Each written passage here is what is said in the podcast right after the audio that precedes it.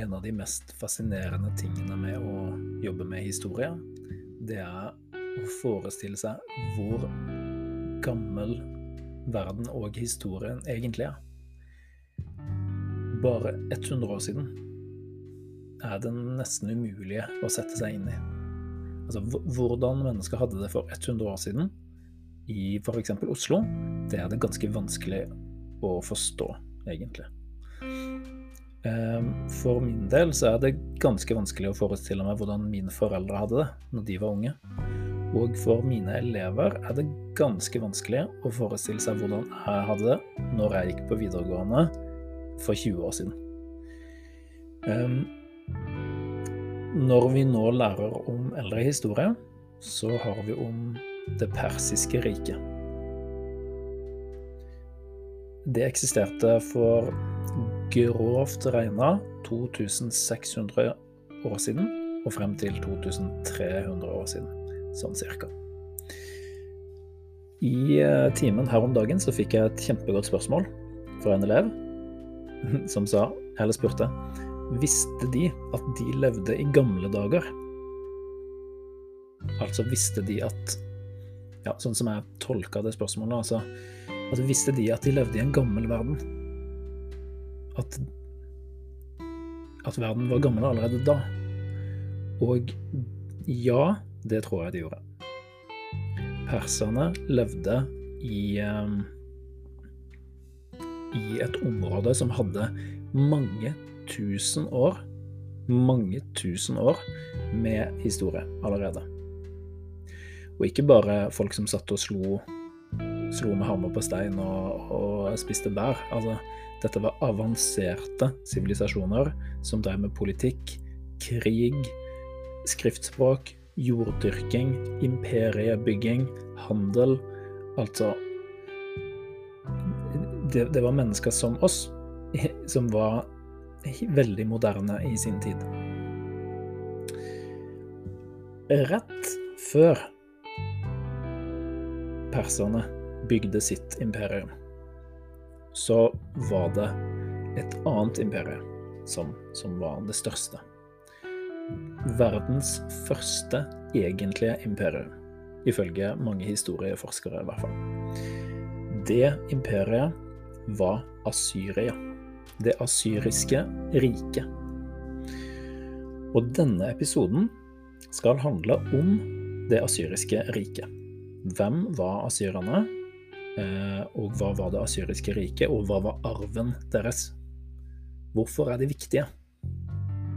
Det skal vi lære om i dag, for det knytter nemlig direkte an til Persia.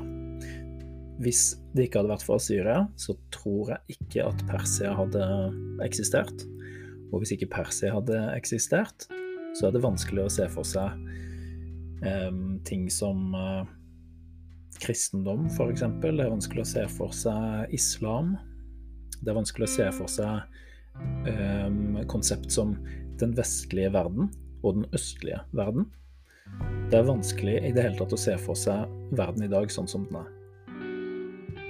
Så følg godt med. I dag skal vi lære om Asyria.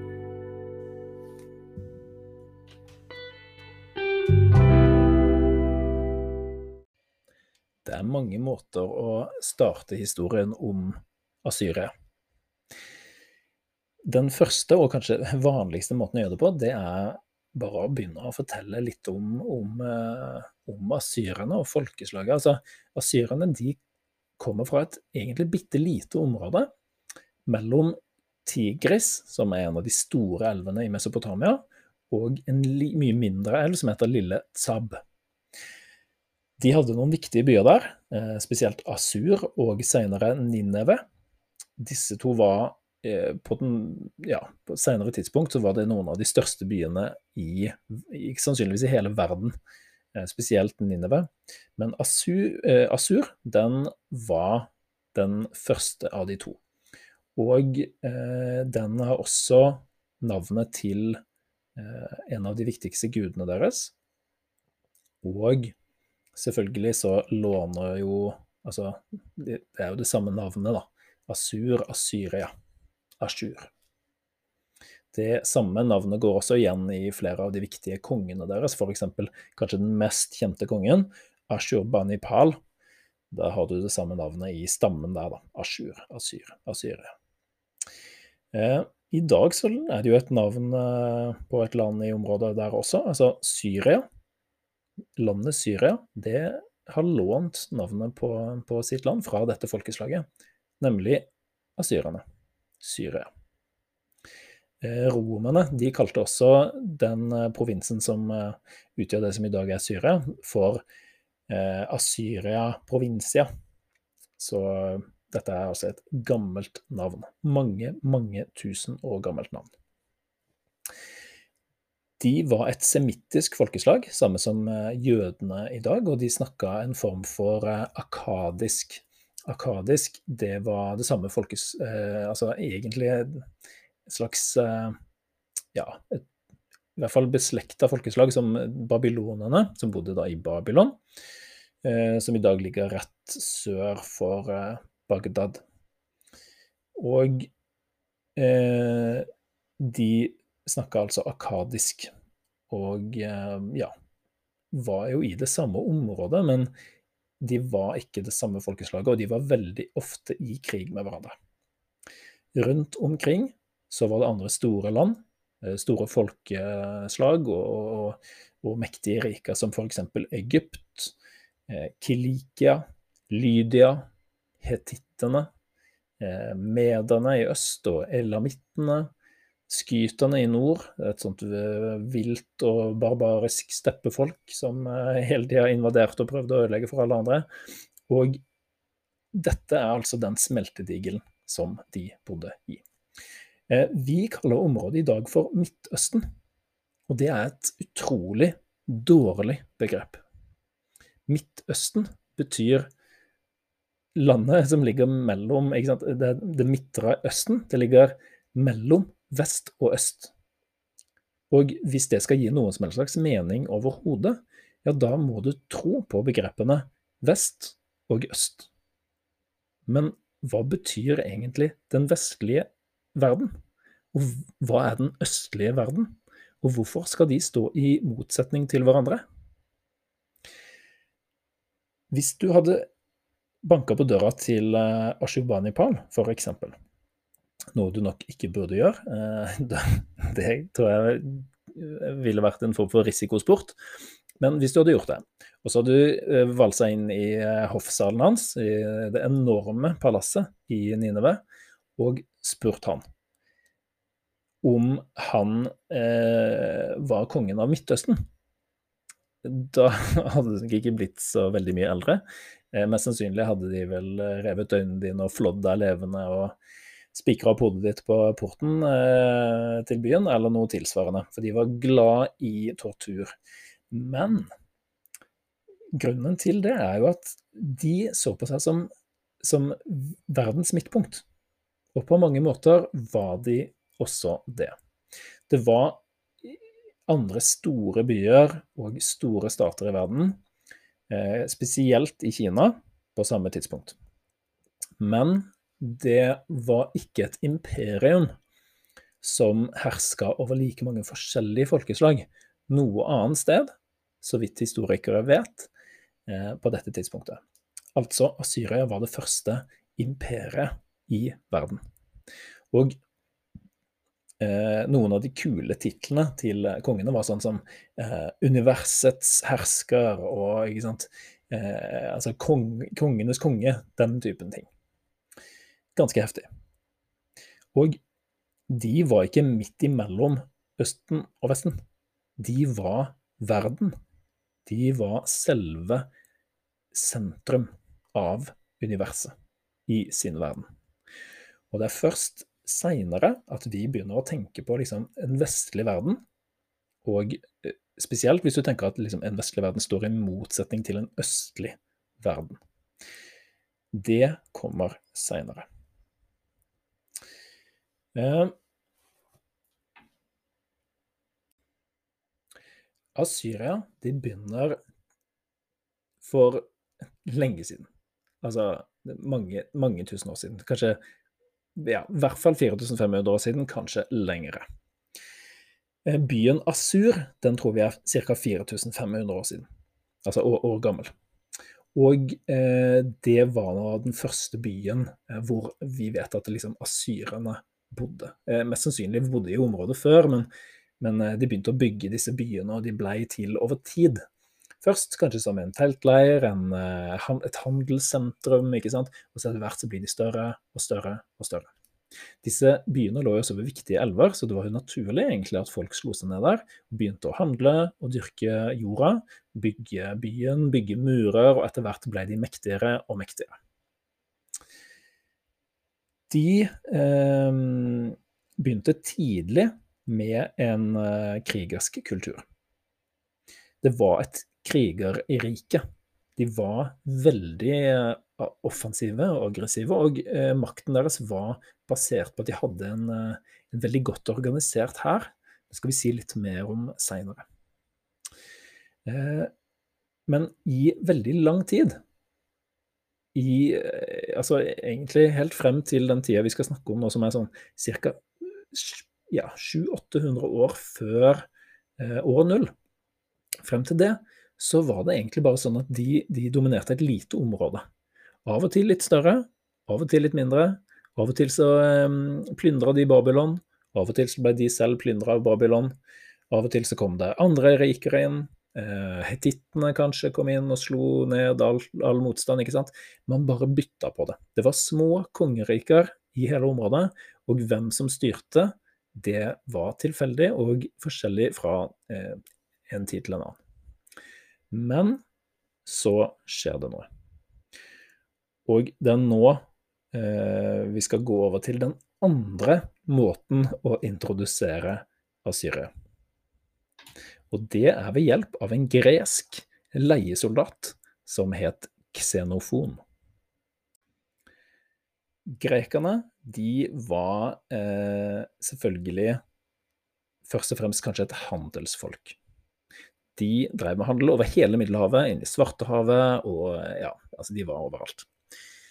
Eh, I tillegg til det så var de soldater. De var glad i å slåss, og de var kjent for det. De var gode til det. Det kan kanskje bryte litt med tanken vi har om eh, det gamle Hellas. ikke sant? Altså Veldig kloke gamle menn med skjegg som sitter og diskuterer politikk og spiser eh, oliven. Altså, det mener jeg er kanskje et litt feilaktig bilde av det gamle Hellas. Eh, det var ikke de som var de kultiverte i den gamle verden. Ja, altså, de hadde jo noen fine bygninger, og Akropolis i Aten er, er fint, det. Men det er altså ikke noe særlig hvis du sammenligner det med de virkelig store rikene på den tida, og i det samme området. Egypt, Asyria, Persia, altså disse gamle, gamle kulturene med tusenvis av år med historie allerede da. Det var de som hadde den heftige kulturen. Grekerne var handelsfolk og krigere. Og Xenofon han var en leiesoldat som leda en slags leiesoldat her, akkurat sånn som i middelalderen i Europa, så kunne du kjøpe en hær. Det kan du for så vidt i dag òg, ikke sant? Men Eh, akkurat som at eh, i borgerkrigen i Syria i dag, så er det masse russiske leiesoldater, ikke sant? Altså nå i 2020-2021. Og for da 2400 år siden, ganske nøyaktig, så var det også borgerkrig i det samme området. Med, ja, altså i Irak, da. Og da var det altså borgerkrig i det persiske riket. Ok? 2400 år siden. År ca. 400 før år null så var det borgerkrig i det persiske riket. Og Da var det altså to brødre da, som eh, sto mot hverandre, selvfølgelig, sånn som eh, de pleier. Og eh, Kyros den yngre, han leide inn Xenofon og herren hans. Så de dro av gårde da, gjennom Tyrkia, gikk til området rett utenfor Babylon, hvor de kjempa i et stort slag. et slag som ja, det heter vel uh, The Battle of Kunaksa eller et eller annet sånt. Det er altså der rett utenfor Babylon. Og de vant for så vidt slaget, men uh, Kyros, den yngre, han, han ble drept. Og det eh, Da hjelper det jo på en måte ikke. ikke sant? Altså Hvis, hvis arbeidsgiveren din dør som leiesoldat, ja, da får du jo ikke betalt. Og hvis du er midt inne i fiendeland, da er du fucked. Så de måtte komme seg ut.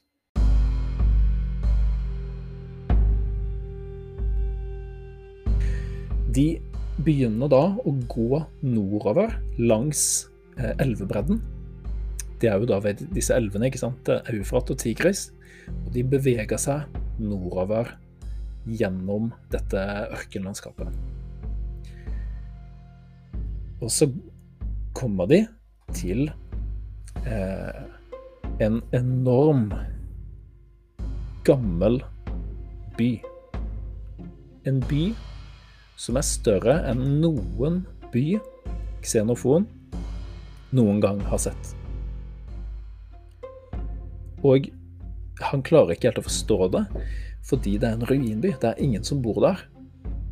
Men det er større bygninger, altså murene er så høye at er, han klarer ikke å forstå det.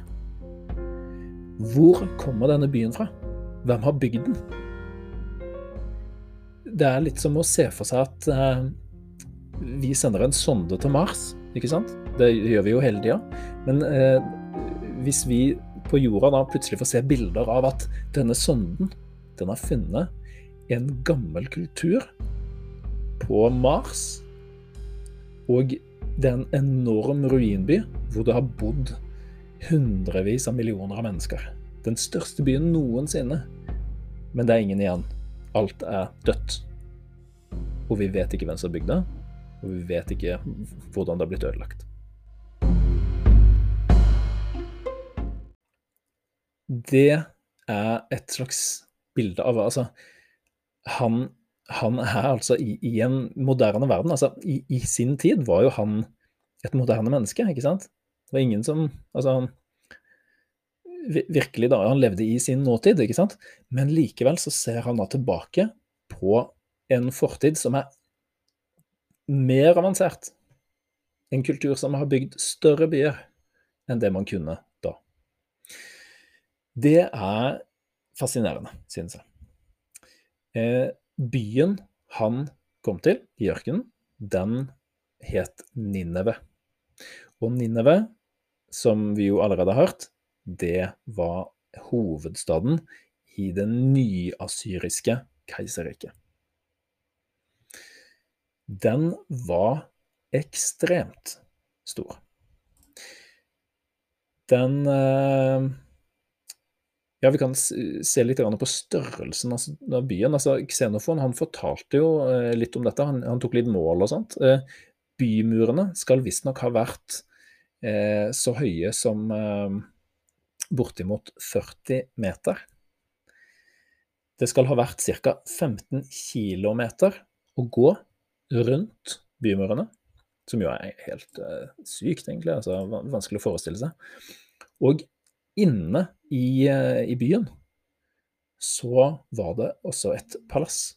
Og dette er palasset til Senakerib. Senakerib var en av de største asyriske kongene. Og han eh, beseira bl.a.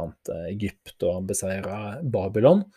Og han bygde et fantastisk palass i Nineve. Det palasset Jeg vil bare, bare gi målene på altså størrelsen. Og dette er ikke mål altså, som, som, vi tror. altså Vi har funnet ruiner av det, vi vet hvor stort det var. Eh, jeg jobber jo på Bjørnholt videregående skole i Oslo. Jeg har gjort mål inne på Google Maps, og Bjørnholt videregående skole i Oslo den er ca. 140 meter bred og 75 meter dyp. Ok, 140 meter bred og 75 meter dyp. Ehm, så hvis du har vært eh, der noen gang, eller hvis du er elev der, så vil jeg at du skal se for deg bare altså størrelsen da, på, på, på bygget. Se for deg at du står foran okay, denne bygningen. Og så kan du sammenligne med palasset i Nineve. Som ble bygd for 2700 år siden. Det var 500 meter bredt. 500 meter, altså mer enn tre ganger så bredt som altså Bjørnholt videregående skole, som er en stor skole. Og det var 250 meter dypt. Tre ganger også så stort som Bjørnholt. I tillegg skal det ha vært 40 meter høyt. Det, det var 80 rom, kjempestore rom, fylt av veggmalerier, eh, utskjæringer, statuer, søyler. Enorme, enorme eh, og uendelige luksus eh, eh, Altså, det er vanskelig å forestille seg. Denne byen var altså som som slags, et slags sånn paradis, da. Og mest sannsynlig den største byen, eh, i hvert fall utenfor Kina, i verden. Det bodde mest sannsynlig et par hundre tusen mennesker der, men kanskje flere. Eh, ganske sånn konservative estimat er 150 000-200 000, som jo er mye. Men det er også folk som mener at det har bodd en million mennesker der. Det er nok usannsynlig, men at det kan ha vært mange hundre tusen som bodde der, og i tillegg at det bodde veldig mange hundre tusen mennesker rundt byen, det er ganske sannsynlig. Og det vil si at eh, hvis den hadde vært plassert i Norge i dag, så hadde det vært eh, i hvert fall Norges nest største by. Eh, og det er jo ganske sykt. Hvis du går i vanlig hastighet, så går du ca. 4 km i timen på vei. ok? Og da går du ganske, ganske Det er uten å stoppe og uten å ta noen særlige pauser. Da går du 4 km i timen. Og det vil si at hvis du skulle prøvd å gå rundt Nineve, by, rundt bymuren altså, som var da 15 km lang, så måtte du gått i fire timer uten å stoppe. Det er langt. Så at dette var en ganske heftig oppdagelse for Xenofon, det er det ingen tvil om. Og jeg bare synes det er så fascinerende eh, at man liksom kan oppdage noe sånt midt ute i ørkenen. Hva i alle dager var det som hadde skjedd der? Som sagt så var Asyria en eh, krigerstat. Det er vanskelig å forestille seg eh, på en måte de som Altså, det var ikke et handelsimperium. Eh, de var ikke demokratiske. De var krigerske, og de var kjent for å være veldig grusomme. Jeg syns det er litt morsomt eh, i den eh, ene boka mi her, som jeg bruker som kilde, 'Historie på tvers', så står det at de var den tids nazister. Det syns jeg er litt, kanskje litt spesiell sammenligning, men i alle tilfeller altså det, det, de mener, er jo selvfølgelig at de brukte grusomme virkemidler. Og det er ganske mange av teknikkene som mange sånn undertrykkende stater bruker også i dag, som asyrerne begynte med. De hadde en tendens til å være som sagt, veldig grusomme. Og poenget med å være grusom Det er jo ikke noe vits i å være grusom bare for Det er jo ikke så gøy på en måte, å flå folk levende, f.eks., men det har en effekt. Og den effekten er at du skaper frykt. Altså, de brukte terror, statsterror, for å skremme folk til å holde kjeft og, og gjøre som, som, de ble fortalt, rett og slett. Ikke gjør opprør, da flår vi deg levende, ikke sant. Og um, de, de, hadde en tendens til på en måte å skryte av det òg. Si hvis de hadde f.eks. Eh, erobra en by, da. Eh, sånn som f.eks. de gjorde mot eh, Elam, som er i dagens eh, Iran. Elamittene det var et folkeslag da i, i, i, det som i dag er Iran, og, og en, en, gammel kultur også i det området. Men de eh, var stadig tottene på hverandre, asyrerne og elamittene, og eh, asyrerne de knakk da Elam. Og for å eh, på en måte altså En del av straffen da, til eh, noen av soldatene var at Eh, de, de halshogde jo kongen til elamittene, og hodet hans det festa de rundt, på, en, kjede rundt halsen på en av generalene som måtte gå med da hodet til kongen av elamittene helt tilbake til Asur, hvor da hodet ble hengt oppå, altså foran byporten til, uh, for å avskrekke folk. Så hvis du gjør opprør mot oss, så liksom gjør vi helt sjuke ting mot dere.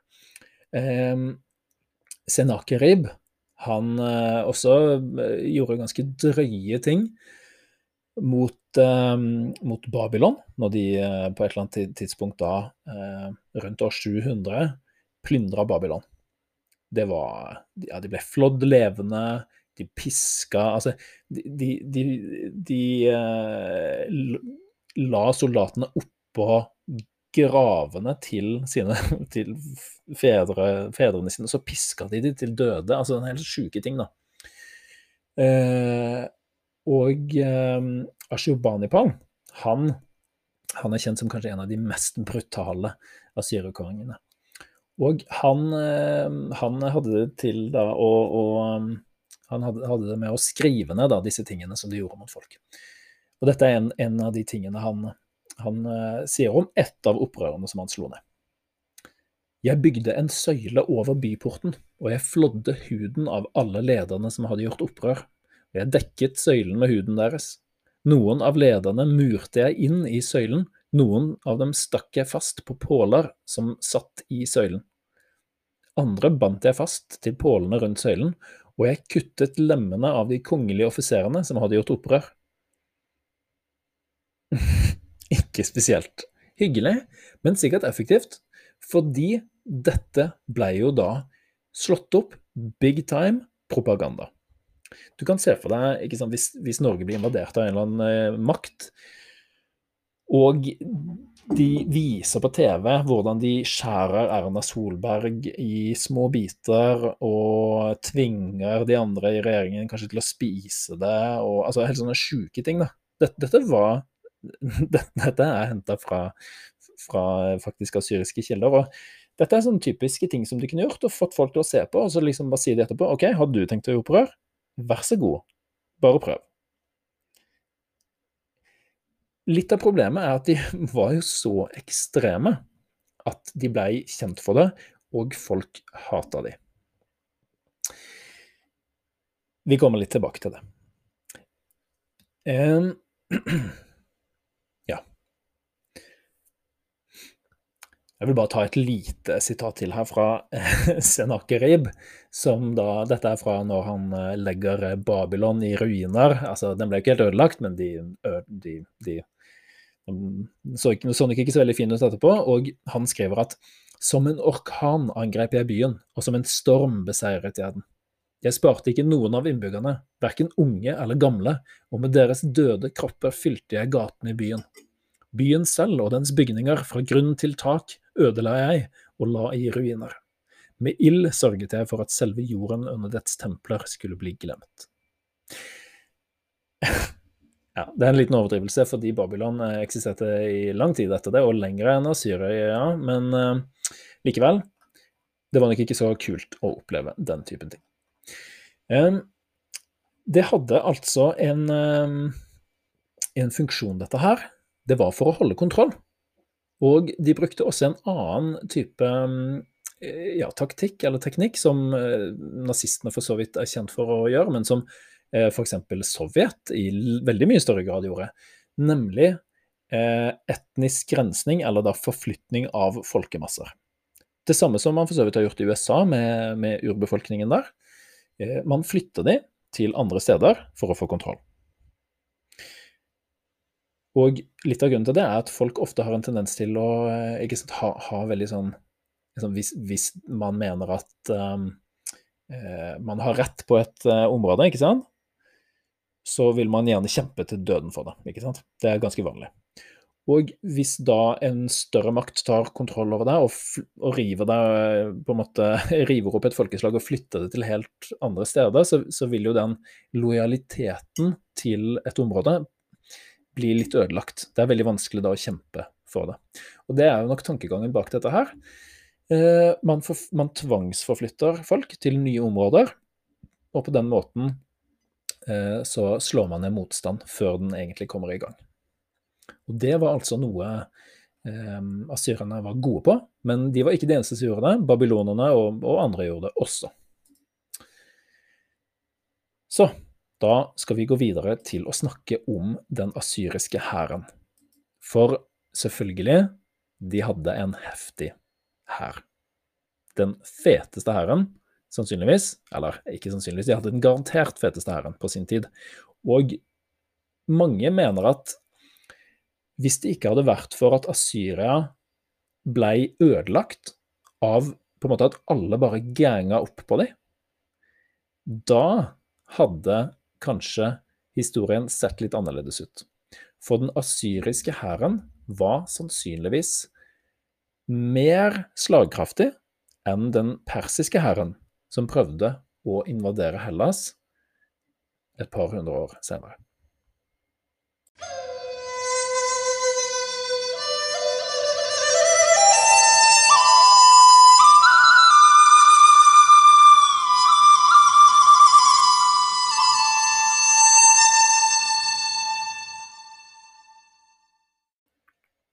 Som sagt så kan man godt sammenligne Asyria med Persia senere. Asyria var det første imperiet i, i verden, og perserne de tar over rett etterpå. Det er nok veldig usannsynlig at perserne kunne ha bygd opp det imperiet de gjorde, så fort, hvis det ikke hadde vært for at Asyria gjorde det først. Um, og nå skal vi se litt på da hæren til Asyria. De var en, et folkeslag som var samla rundt en slags militarisme. De begynte ganske tidlig å gå på årlige raid. Det var liksom det de var samla rundt. At eh, hvert år så skulle man ut eh, og på en måte plyndre, da, sannsynligvis plyndre, og etter hvert også kanskje ta over nye områder. Men men det var stort sett det å ta andres eh, eh, folk til slaver. Ta eh, dyr og gull og sølv og ikke sant, all slags forskjellig. Og for å gjøre det, så må du ha en sterk hær. Og det hadde asyrerne. Um, I gammel, gammel, gammel oldtid så var det jo bare snakk om sannsynligvis noen tusen, noen tusen soldater, ikke sant. Hadde du en Altså for 2000 år siden hadde du Nei, 2000 eh, år før år null, for 4000 år siden. Hadde du 6000 mann da, så hadde du en stor hær.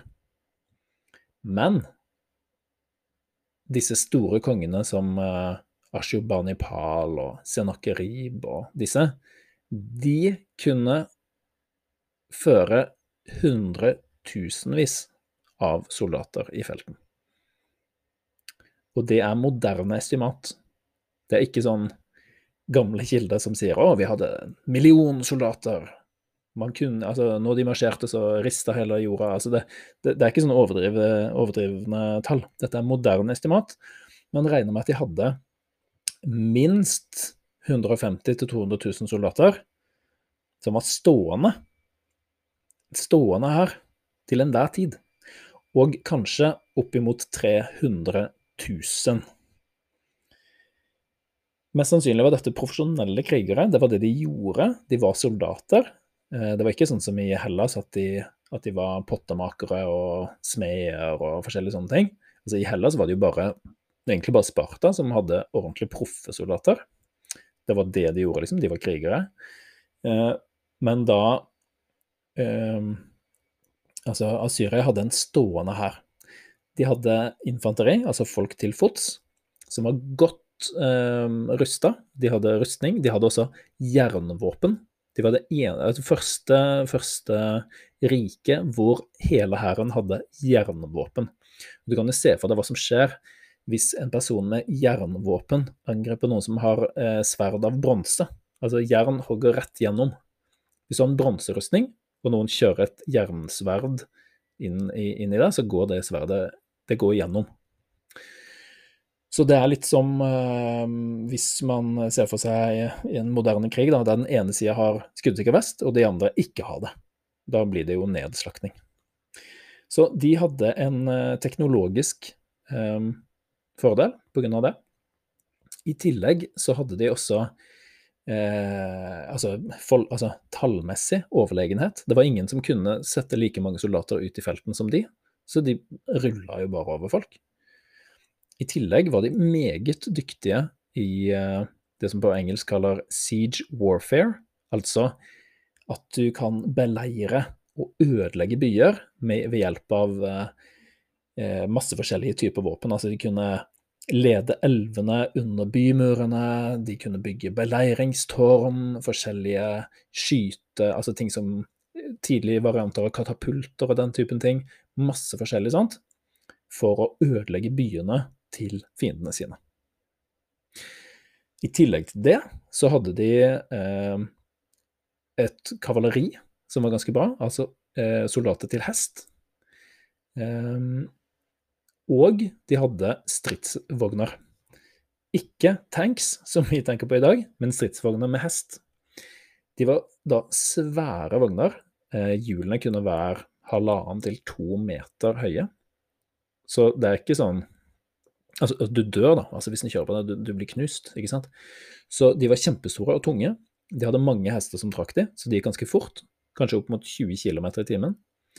Eh, de var nok også ganske tunge. Mest sannsynlig hadde de eh, knivblader eh, festa til hjulene, og de hadde De hadde ja, altså skarpe Altså, de var jo ment for å skade, da. ikke sant? Så, så hvis du ble påkjørt av en sånn, så ble de kutta opp, knust, revet fillebiter, liksom.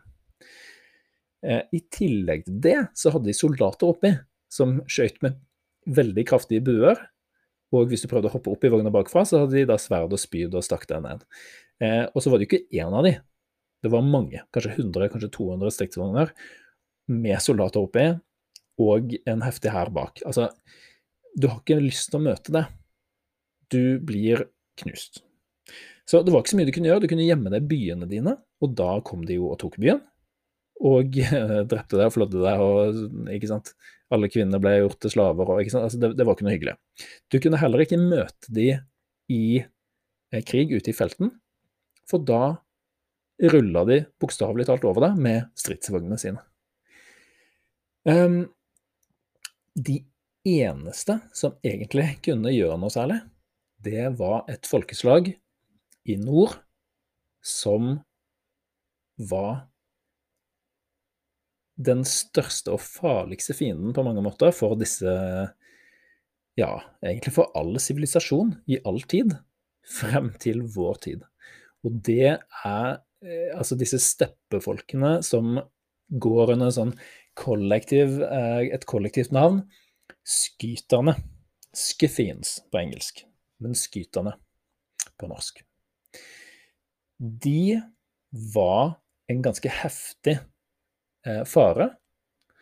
Og også den aller største eh, superstjerna fra den tida her. Den persiske storkongen Kyros den store, Cyrus the Great.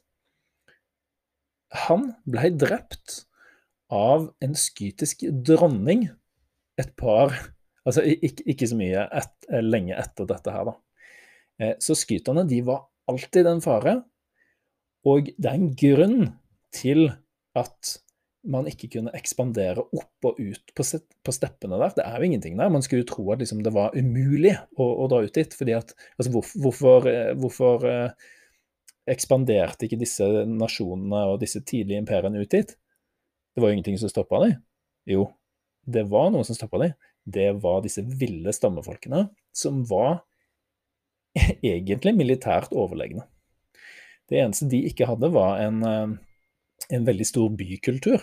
Så de hadde ikke, de hadde ikke de fordelene der som de moderne måte sivilisasjonene hadde, men de hadde en overlegen krigerkultur. Og dette skal vi se at blir egentlig undergangen til asyrerne.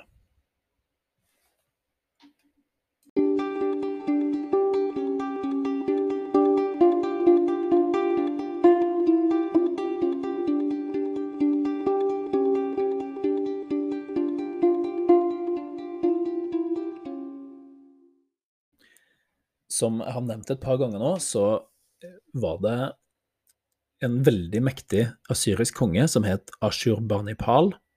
Han er nok kanskje den mest kjente av alle. Det er masse sånne kule statuer og relieffer av at han jakter på løver og Altså, heftig type, da. Han var den siste store kongen av Asyria. Men kan man si Altså, det var nok kanskje også han som ødela Asyria. Fordi han erobra stadig nye områder.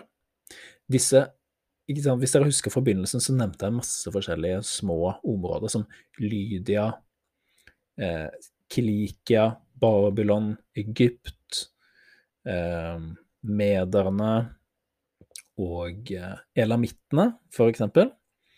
Og alle disse folkeslagene ødela han, eller la han under seg. De var de var under, eh, under hælen hans, for å si det sånn. Altså, han dominerte de, Asyria dominerte de. De var nok ikke spesielt glad i Asyria, for de hadde blitt veldig røft behandla, men de var redde. Problemet var at hvis du husker eh, skyterne, skyterne, disse ville steppefolkene, nomadiske, hestebaserte, eh, ville krigere fra nord, i det som i dag er det sørlige Russland, eh, Kaukasus, eh, eh, Kasjokstan osv., ikke sant, de eh, De hadde en tendens til å dra på raid, ikke sant. Og eh, asyrerne de drev egentlig konstant og krig, kriga mot dem, fordi at de ble hele tida angrepet. Eh, så de, det liksom bølga frem og tilbake. Først angrep skyterne et eller annet sted i Asyria, og så slo Asyria tilbake, osv.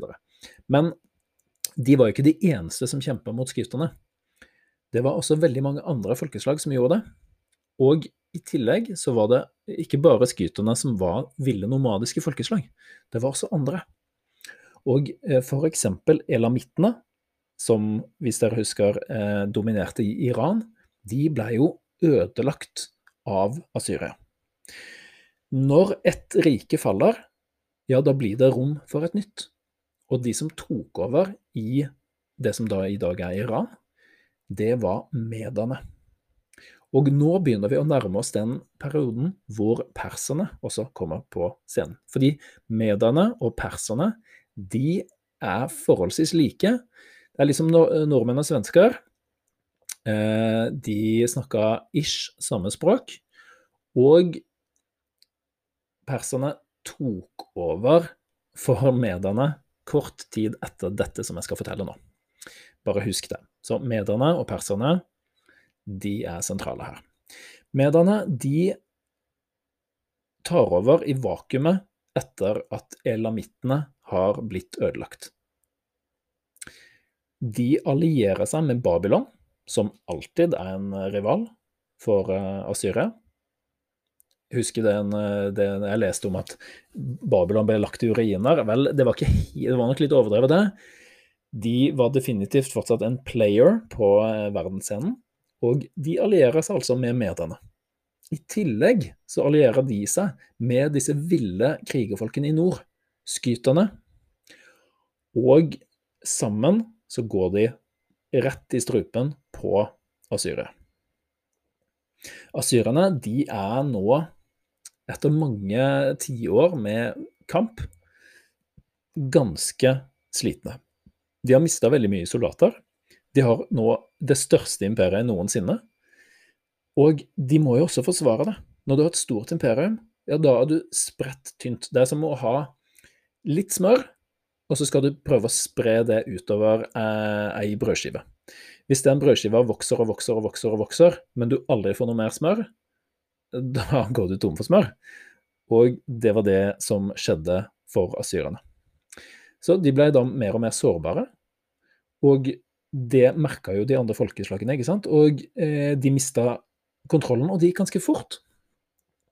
Så eh, jeg tror i år 612 før Kristus, eller før år null, så angriper altså mederne og babylonerne sammen denne kjempestore byen, den gigantiske byen Nineve, som Xenofon finner ca. 200 år seinere.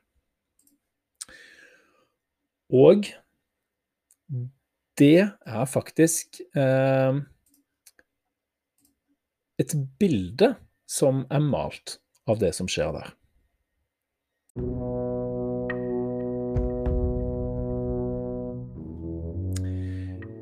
I 1829 så malte John Martin 'The Fall of Nineveh'. Nineves fall. Det ser ut som en slags sånn dommedagsscene.